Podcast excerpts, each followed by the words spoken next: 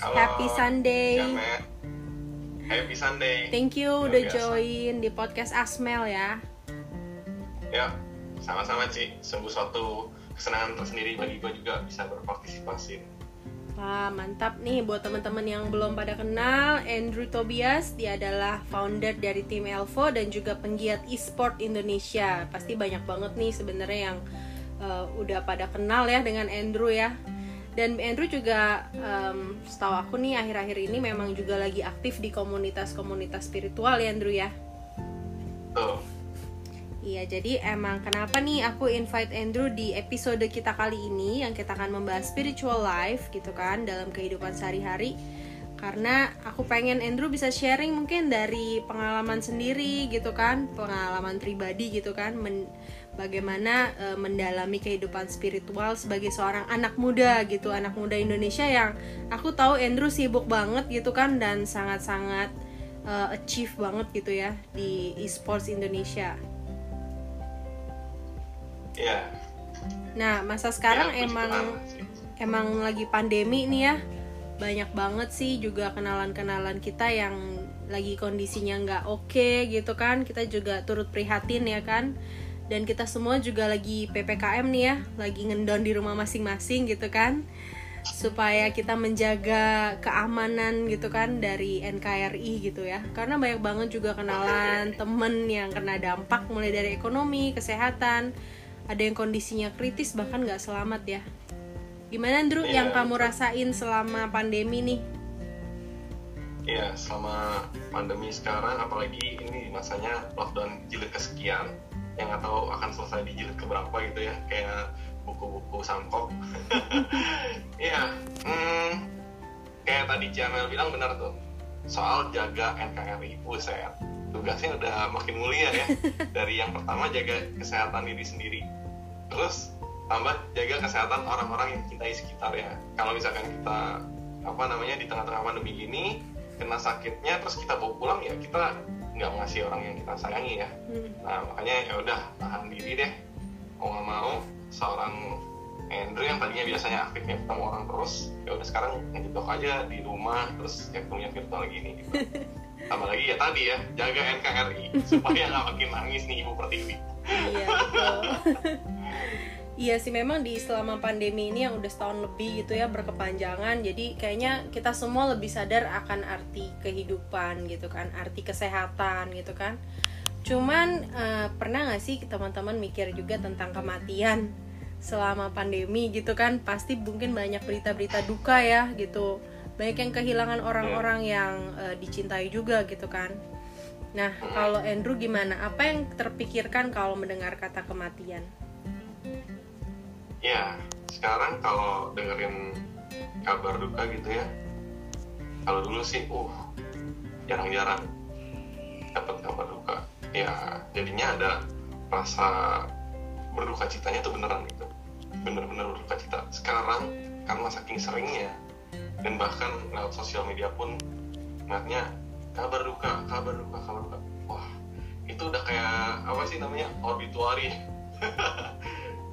aku bingung antara sosial media sama berita-berita di koran tuh yang hmm, kabar duka cita itu kayaknya mirip jadinya ya, banyak banget ngeri ngeri Iya iya. Memang kalau ada pepatah bilang kan kematian di tangan Tuhan gitu ya.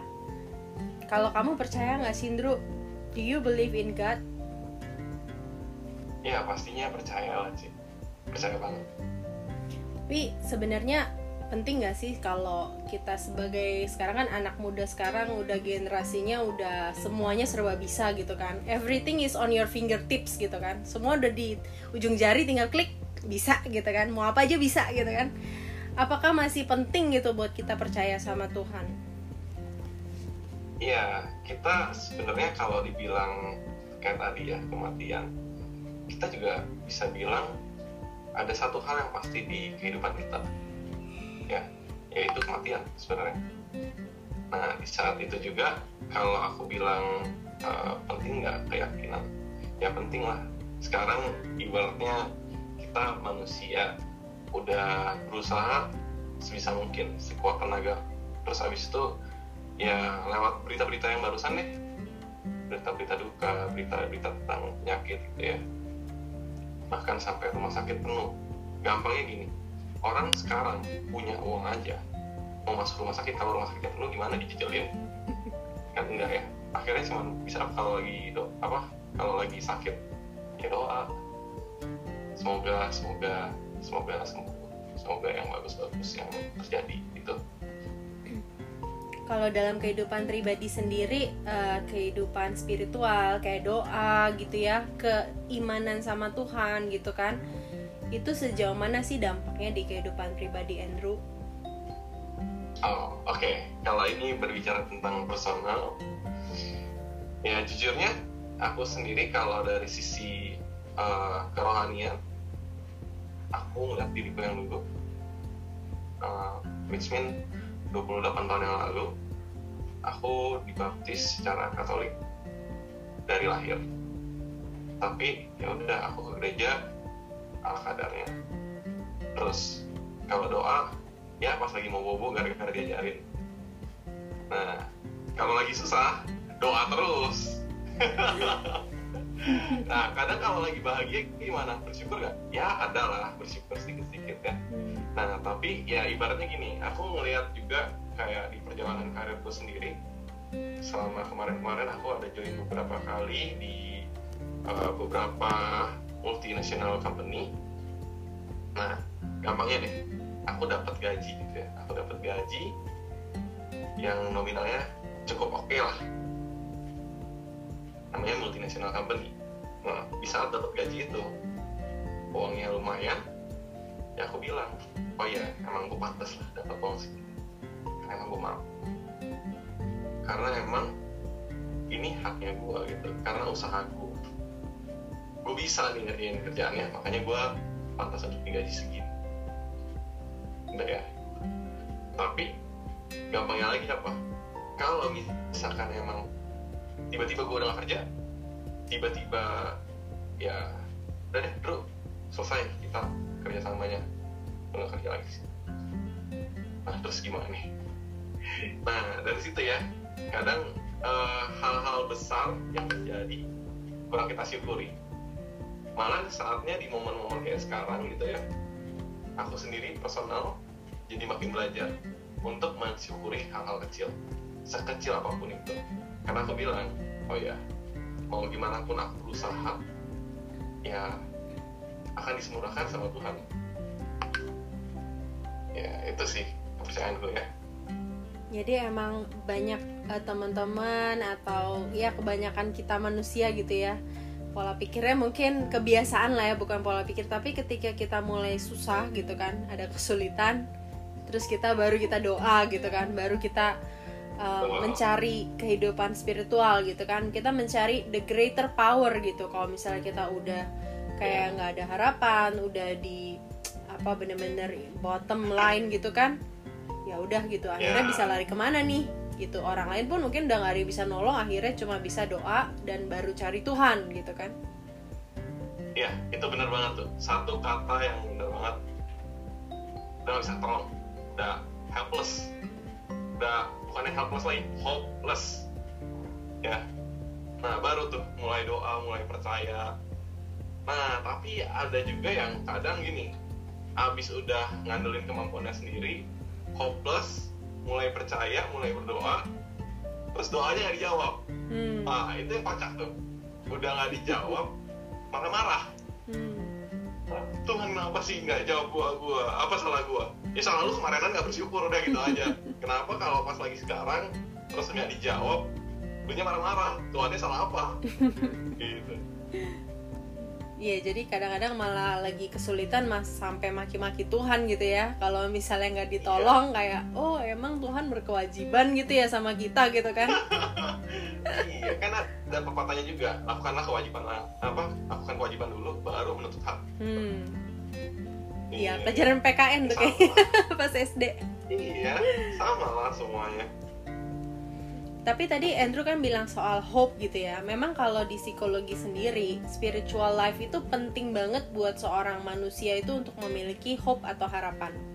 Dan hope atau harapan itu secara penelitian psikologi sudah dibuktikan bahwa itu sangat menunjang kebahagiaan atau tingkat kepuasan hidup seseorang jadi bayangin kan kalau orang hidup nggak punya harapan nggak punya hope pasti kan kayak nggak bisa happy gitu kan. Jadi kayak mungkin entah itu dia stres frustasi atau bahkan depresi ya. Kalau kita hidup tanpa adanya harapan atau hope gitu. Nah ternyata spiritual life itu sangat penting banget buat menunjang adanya harapan. Jadi kita hidup selalu berpengharapan gitu loh dalam kondisi apa pun gitu kan. Ya betul sih. Kalau misalkan kita ngomong soal harapan ya tadi bener ya. Ketika kita ada harapan kita mulai punya yang namanya motivasi. Hmm. begitu udah ada motivasi apa yang bisa bikin kita semakin berkembang? Komitmen. Jadi levelnya tuh jelas. Jadi berarti spiritual life tuh juga berkaitan erat sama kesuksesan dong Andrew kalau tadi bicara karir gitu kan. Bicara tentang prestasi gitu kan. Kalau kita nggak punya komitmen nggak punya motivasi gimana mau berkembang ya kan Iya, betul. Otomatis betul. dalam bidang-bidang kehidupan, mau itu karir, prestasi atau ke bidang lain pun mungkin kita juga nggak bisa berkembang ya kalau nggak punya harapan dan motivasi tadi ya. Iya benar sih. Kayak misalkan kalau aku bilang dari sisi uh, apa namanya, aku sendiri nih ya, dilihat dari uh, pengalaman. Nah, aku kalau misalkan di satu titik ya, ini bisa jadi ada dua faktor juga misalkan kalau aku udah punya pengharapan aku sudah mencapainya. Nah apakah itu akan naik atau turun harapannya? Kebanyakan orang naik. Nah aku pernah ngalamin posisi yang di mana harapannya itu turun karena sudah mencapai di titiknya itu ya. Karena mungkin juga ada suatu kekosongan void di dalam hatiku yang kalau misalkan aku fokusnya cuma ke diriku sendiri sedangkan kalau secara spiritual dan ya hukum hukum kasih lah ya kita bilang ya kita nggak bisa tuh yang namanya cuma mikirin diri sendiri sebenarnya. Namanya aja mah manusia makhluk sosial. Ya, jadi waktu saat aku sudah mencapai tujuanku malah motivasinya turun terus harapannya hilang. Karena udah mencapai. Nah itu yang harus dijaga sebenarnya. Kalau misalkan harapannya udah dicapai abis itu. Ya naturalnya manusia mau naik lagi lah. Hmm. nah yang harus dijaga apanya? Ambisinya. Karena bisa apa? Semakin uh, tercapai ya semakin ambisius. Begitu juga kalau misalkan kita bilang manusia kan beda-beda ya motivasinya harapannya. Entah itu kebanyakan dari materi pasti. Apalagi ketenangan hidup atau ya dari sisi spiritual. Itu lakinya di mana? Itu yang mesti di apa namanya diformulasikan juga diidentifikasi juga tuh waktu itu aku turun loh malah bingung kan. Jadi ketika udah mencapai tujuan itu antara bisa naik lagi atau ngedrop gitu malah ya? Tergantung dari cara pandang berarti. Ketika kita memandang dengan luas ternyata masih banyak yang harus gue lakukan mungkin gitu ya. Belum berpuas diri gitu kan. Tapi kalau kita udah over satisfied jadinya ya udah nggak ada motivasi lagi gitu ya. Tapi kalau bicara ambisi ya menurut kamu ambisi sama spiritual life itu bisa berjalan beriringan gak sih? Um, bisa sih. Kalau misalkan aku lihat ya kan aku juga ada sempat uh, apa belajar soal ambisi. Nah namanya kehidupan yang dulu-dulu yang bisa kita pelajari itu kehidupannya apa? Kehidupannya raja-raja. Raja-raja punya ambisi nggak punya. Nah mereka ambisinya apa ya? Menyatukan rakyat-rakyatnya. Itu ambisi mulianya. Nah tapi di saat uh, tujuannya salah dan dia nggak percaya sama uh, imannya akhirnya apa ya dibantahkan dibantahkan aja gitu. Itu cerita gagalnya cerita suksesnya ya kita lihatlah raja-raja besar siapa gitu ya. Ada raja raja Daud raja Salomo gitu. Nah mereka ambisinya jelas ada harapannya seperti apa terus ditambah lagi dengan iman dan kepercayaan mereka. Alhasil ya itu menjadi tolak ukur suksesnya dia orang juga raja-raja besar pada zamannya berarti ambisi itu nggak salah tapi tergantung dari intensinya gitu ya tujuannya Tergantung dulu gitu ya. Iya. Oke, oke itu uh, menarik banget sih ya. Terus kalau kita bicara tentang sukses juga tadi kan Andrew ada cerita tentang rasa syukur kan, gratitude gitu ya. Kalau bahasa kerennya gitu kan. Um. Kalau dalam psikologi juga bagaimana gratitude itu sangat berpengaruh, sangat berhubungan dengan kebahagiaan gitu kan, tingkat kebahagiaan. Sampai mungkin ada um, apa namanya praktek-praktek kayak latihan gitu untuk membuat gratitude list gitu kan. Coba uh, tuliskan tiga hal yang di mana kamu bersyukur hari ini misalnya kayak gitu. Ada pengalaman pribadi nggak sih Indro tentang bersyukur ini dan dikaitkan dengan spiritual life pengalaman pribadi ya kalau soal rasa bersyukur sama eh, apa namanya sama spirituality ya. Oke, eh, ya seperti yang tadi sih aku juga sempat ceritakan ya. Aku dulu kerja sekelas eh, tenaga gitu, sekuat tenaga.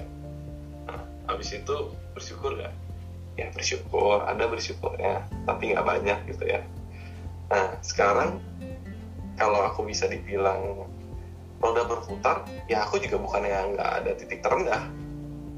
Aku ada titik terendah juga di dalam hidupku yang di mana aku nggak bisa nyalain effortku kan. Apakah aku jadi lebih males? Aku nggak ini nggak apa namanya eh, nggak mendapatkan apa yang aku ingin. Ada mungkin ada tapi nggak banyak. Aku bisa kembaliin lagi pas aku kembaliin lagi apakah aku dapatnya sepantar sama yang sebelumnya? Ya belum tentu. Balik lagi belum tentu ya. Jadi semuanya itu aku hubungin sama apa yang aku percaya spiritualitinya seperti apa. Ya udah berjalan aja.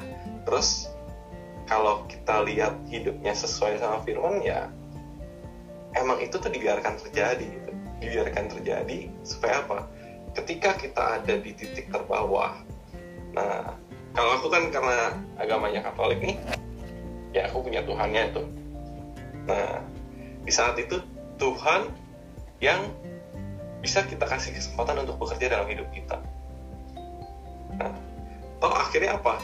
Di saat uh, uh, kesulitan itu terjadi, akhirnya ya aku berdoa, terus dikembalikan lagi nggak? Dikembalikan lagi. Gitu. Kalau nggak kembali lagi, apakah aku salahin Tuhan ya? Nggak juga. Nggak juga.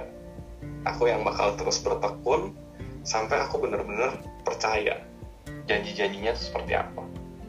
Yang penting hidupnya lurus deh, jalan lurus. Ada wardrobe-nya tuh.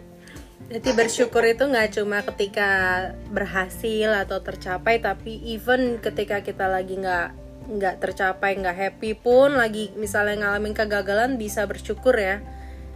Malah Betul, betul sih. ibaratnya bersyukur dalam segala situasi gitu kan. Malah mungkin jadi iman kita diuji gitu ya di situ ya.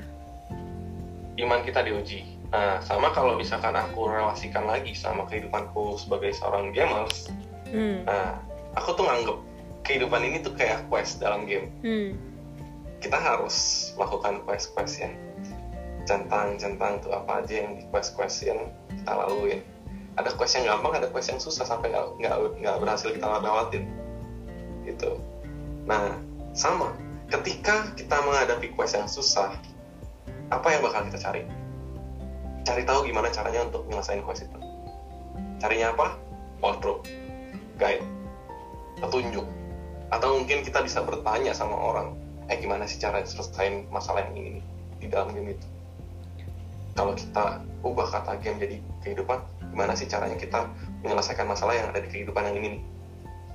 Nah, lewat apa? Wardrobe, wardrobe-nya apa? Ya kalau aku Alkitab. Terus tanya ke orang ya yang ngerti sama masalahnya Hmm. gitu. Coaching Andrew ya. Jangan coaching. Nah, itu jadi salah satu yang menjadi solusi akhirnya. Gitu. Itu kaitannya banyak. Loh. Dan tadi berarti keyakinan itu nggak bisa dilepaskan dari kata setia ya, faith ya kan? Ternyata kita Oh iya, mesti beriman itu ya ketika lagi sulit pun belum dijawab doanya pun tetap aja kita setia aja terus. Jangan malah kita malah maki-maki Tuhan kayak tadi kan malah marah gitu kan?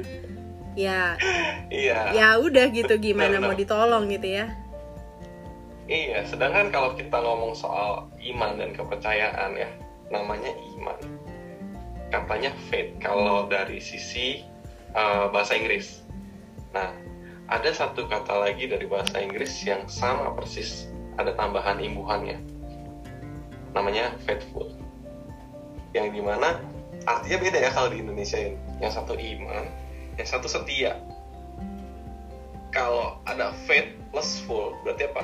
Kita harus beriman penuh. Harus setia pada iman.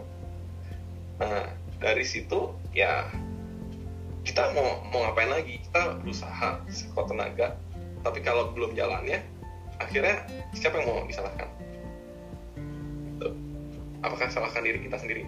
Kebanyakan teman-teman mungkin yang di luar sana yang uh, apa namanya nggak punya teman konseling yang benar terus abis itu juga uh, apa namanya yang nggak punya guidance yang baik akhirnya ngeblaming diri sendiri atau nggak ngeblaming Tuhan nah, apakah itu benar Wow, thank you Andrew, mantap banget uh, sharingnya hari ini. Thank you juga udah uh, berbagi sama temen-temen nih. Kita udah ngobrolin topik spiritual life dan keyakinan. Mungkin ada pesan-pesan sebelum kita tutup nih episode kali ini. Hmm, pesan-pesannya ya, ya kita memang hidup di dunia uh, pasti balance lah ya. Gak melulu yang namanya mesti spiritual mulu gitu. Kita juga di dunia bisnis, ya kita nggak melulu kerja keras sebagai kuda tanpa istirahat yang akhirnya malah joprak tipes ntar ya nah ya kita balance nah sama satu lagi namanya tindakan kita nih nggak ada yang di daerah abu-abu pasti antara yang benar atau yang tidak benar. Ketika kita percaya kita uh, tahu guidance-nya tindakan yang benar lewat mana? Lewat kehidupan spirituality. Kita terapkan di kehidupan kenyataan. Nah itu pasti jalannya bagus. Sudah terbukti ocer 100% tapi kalau kitanya denial terus habis itu kita ngerasa oh ya yang ini benar yang ini salah. Tapi nggak ada guide-nya. Yang mana guide-nya guide-nya dari siapa apakah dari hakim nah coba telusuri lagi dibuat balance tapi pasti keputusannya outputnya tuh antara 0 atau nggak satu nggak ada yang setengah gitu Wow, luar biasa banget. Hari ini udah bisa sharing. Thank you, Andrew udah berbagi juga ya. Semoga jadi manfaat buat teman-teman yang udah dengerin. Sukses terus buat Andrew, juga buat esports Indonesia, buat tim Elvo juga. Jaga kesehatan semuanya, tetap patuhi protokol yang ada. Dan juga buat teman-teman yang dengerin Asmel juga please comment uh, atau DM ke Instagram @ameliajayadi. Dan sampai jumpa di episode berikutnya. Dadah!